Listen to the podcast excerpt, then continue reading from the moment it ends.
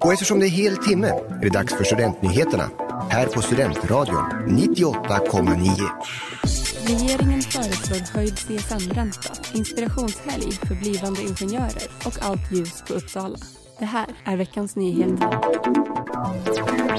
Regeringen har föreslagit att räntan på CSN-lån ska höjas. Detta för att finansiera ett omställningsstudiestöd som ska göra det lättare för yrkesverksamma mitt i livet att utbilda sig. Sveriges förenade studentkårer och Saco studentråd motsätter sig förslaget. De skriver i en debattartikel bland annat att höjd CSN-ränta höjer trösklarna till högre utbildning och att finansiering av omställningsstudiestödet på detta sätt ställer ungas möjlighet till studier mot yrkesverksammas möjlighet till kompetensutveckling. Uppsala studentkår genomförde förra veckan en protest mot förslaget. Förslaget innebär att räntan, som idag ligger på 0,05 procent, kommer att höjas till 0,5 procent. Räntan skulle alltså bli tio gånger högre än idag.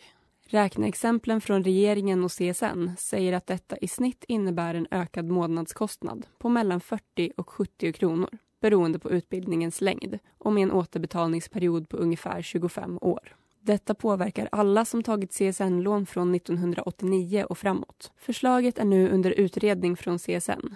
Besked väntas i slutet av 2022. I helgen hölls inspirationshelgen Uptown Tech på Ångström-laboratoriet. Eventet riktar sig till tjejer i årskurs 3 på gymnasiet och syftar till att inspirera deltagarna för framtiden och ge dem en känsla av hur det är att plugga till ingenjör i Uppsala.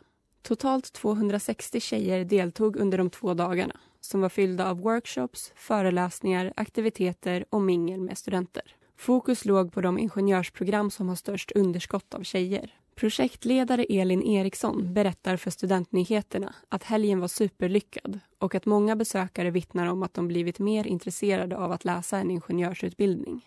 Elin Eriksson är övertygad om att vi kommer se flera av deltagarna här i korridorerna nästa höst.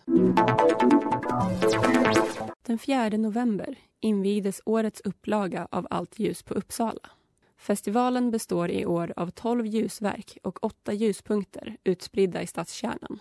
Bland ljusverken finns bland annat Flytande ljusblommor i Svandammen och Uppsala domkyrkas gosskör vars sång gestaltas som ljusprojektioner på domkyrkans fasad.